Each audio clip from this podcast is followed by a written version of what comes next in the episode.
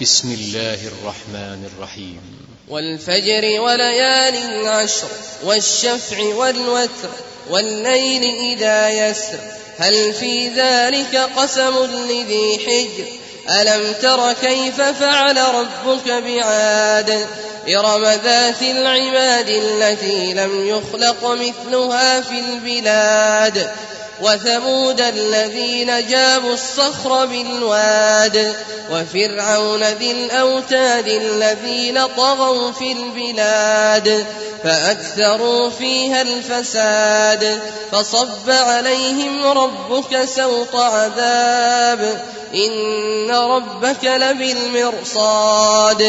فأما الإنسان إذا ما ابتلاه ربه فأكرمه ونعمه فيقول ربي أكرمن.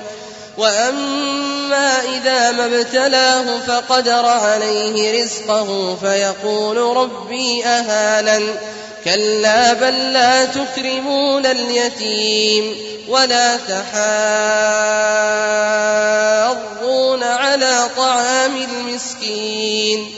وتأكلون التراث أكلا لما وتحبون المال حبا جما كلا إذا دكت الأرض دكا دكا وجاء ربك والملك صفا صفا وجيء يومئذ بجهنم يومئذ يتذكر الإنسان وأنى له الذكرى.